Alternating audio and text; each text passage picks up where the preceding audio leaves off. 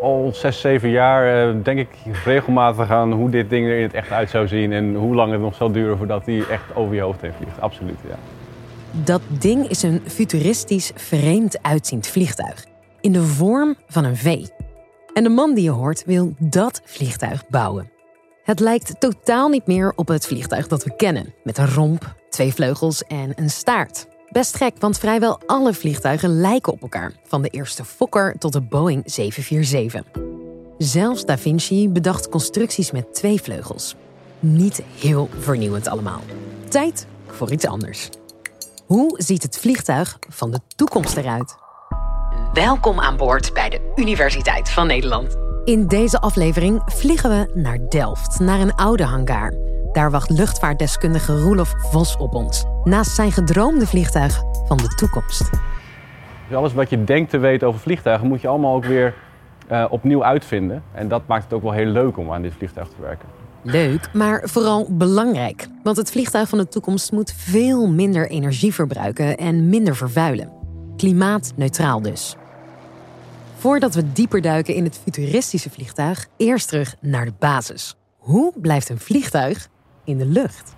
Nou ja, een traditioneel vliegtuig heeft een, uh, een, een, romp met twee vleugels en een staart. Die, die, die vleugel die draagt natuurlijk het, uh, het vliegtuig, die genereert lift. Lift. Dat is het eerste ingrediënt om een vliegtuig te laten vliegen. Die lift, oftewel draagkracht, komt van de vleugels. Die dragen het vliegtuig. Hoe groter de vleugels, hoe groter de draagkracht en hoe meer lift. Dat is nodig om het vliegtuig in de lucht te houden. Dan heb je ook nog snelheid nodig om het vliegtuig vooruit te laten gaan. Die snelheid komt van de motoren. Nu kunnen we vliegen. Maar er is nog iets waar je rekening mee moet houden: de weerstand. Weerstand wordt bepaald door twee dingen. Eén, de oppervlakte van de buitenkant van het vliegtuig. Alle, alle onderdelen die eigenlijk in contact komen met de luchtstroming, die zorgen voor wrijvingsweerstand. En dat is één belangrijk onderdeel van de totale weerstand. En twee, het gewicht van het toestel. Des te meer uh, gewicht je hebt, des te meer lift heb je nodig om dat gewicht in de lucht te houden. Dat gewicht zorgt ook weer voor weerstand. Dat kun je voorkomen met bredere vleugels, oftewel een grotere spanwijdte. Net als bij een zweefvliegtuig. Het ideale vliegtuig heeft dus een grote spanwijdte, een klein oppervlak en een laag gewicht. En Roelofs vliegtuig heeft het allemaal. Daarom ziet hij er ook zo revolutionair anders uit. Ja, de Flying V is dus een vliegende vleugel. Dus dat betekent dat die, die traditionele romp die je in gedachten hebt, die is er niet meer. We hebben ook geen aparte staart. Er is alleen nog maar een vleugel. En die vleugel die staat eigenlijk in een soort V-vorm. De hele manier van vliegen is eigenlijk anders. Dus je, ja, je genereert nog steeds draagkracht met de vleugel. Maar die romp is weg en iedereen zit in de vleugel.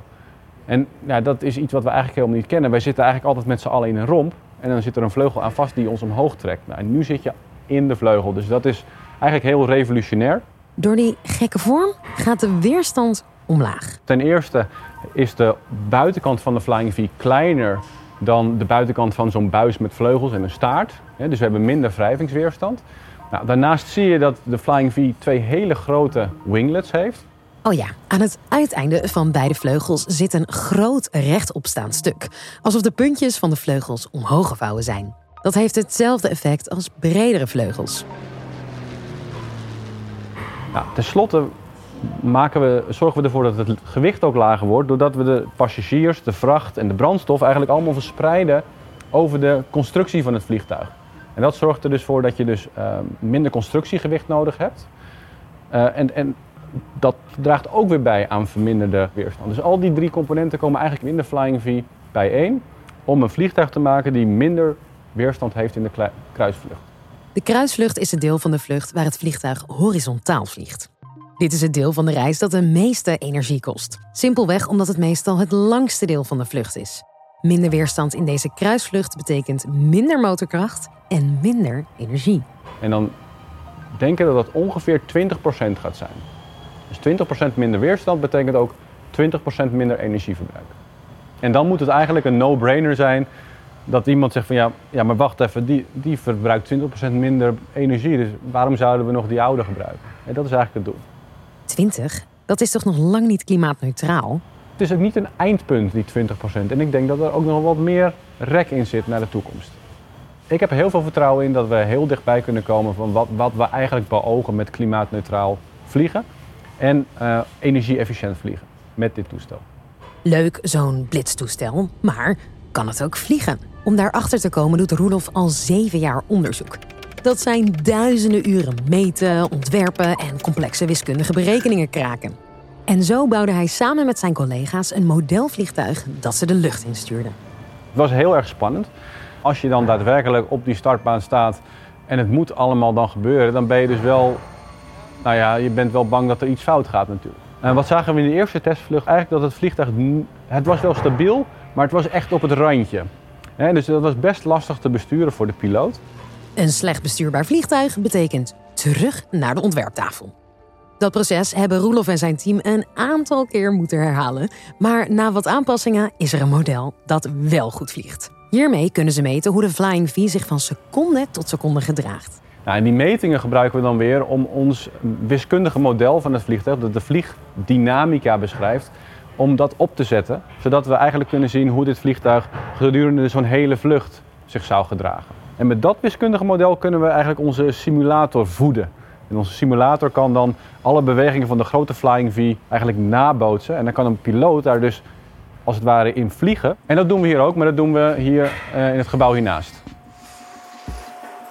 Ja, we zijn hier bij de Flight Simulator van de TU Delft. En dat is eigenlijk een, uh, een grote cockpit uh, op een bewegend onderstel. En die simuleert dan eigenlijk de bewegingen van het, van het hele vliegtuig. Zometeen komt Xander, collega van mij, en die is piloot. En die, kan, die gaat een stukje vliegen in de Flying V. En die zal vertellen wat hij dan ervaart gedurende die vlucht.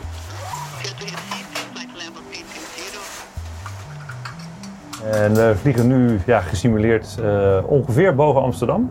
Wat de Flying V onder andere bijzonder maakt, is nou, hij, heeft geen, heeft geen staart. Of in elk geval niet een staart zoals een conventioneel vliegtuig dat heeft.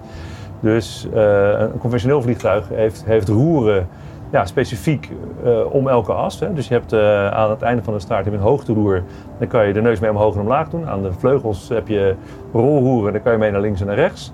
En bij een Flying V, dat is in feite, moet je die functies combineren. Dus dat is best een uitdaging. Hij vliegt nu redelijk als een, ja, als een normaal vliegtuig, zeg maar. In een gewone vlucht is de Flying V, dankzij input van testpiloten zoals Sander, net een normaal vliegtuig. Ready for take-off. Althans, dat zou je denken. Maar gewoon kunnen vliegen is niet goed genoeg voor welk vliegtuig dan ook. Dan begint het pas. Wat als de ene motor uitvalt, kan ik hem dan nog besturen? Nou, dat zijn testen die je dus doet om eigenlijk te, te kijken, is het vliegtuig wel veilig? Ook als er een van de subsystemen stuk gaat. Om de veiligheid te garanderen en te kijken of dit aparte vliegtuig überhaupt ooit de lucht in kan, vraagt Roelof allerlei experts om kritiek. Waar zijn we nou eigenlijk naar op zoek? In al dit onderzoek is, zijn er echte blokkades die het echt onmogelijk maken om dit vliegtuig uh, ooit een realiteit te maken. En tot nu toe hebben wij nog geen echte blokkades gevonden. Dus ja, er zijn een heleboel uitdagingen en, vragen die nog onbeantwoord zijn. En dat moeten we allemaal gaan beantwoorden. Maar tot nu toe zijn we, uh, zijn eigenlijk heel positief over hoe het vliegtuig zich heeft ontwikkeld tot nu toe. Mijn plan is dat dit vliegtuig in 2041 eigenlijk op de markt komt. En dat we er dan eigenlijk uh, in kunnen gaan vliegen. Na 25 jaar werken aan de toekomst van de luchtvaart... kan Roelof dan misschien wel zelf op vakantie in zijn vliegtuig. Dat is helemaal top natuurlijk. dat, je gewoon, dat je er zelf in kan zitten. Ja. Ja. Voor mijn pensioen, zou mooi zijn. Wil je elke week nieuwe wetenschap in je feed? Abonneer je dan. Gratis, helemaal voor niets.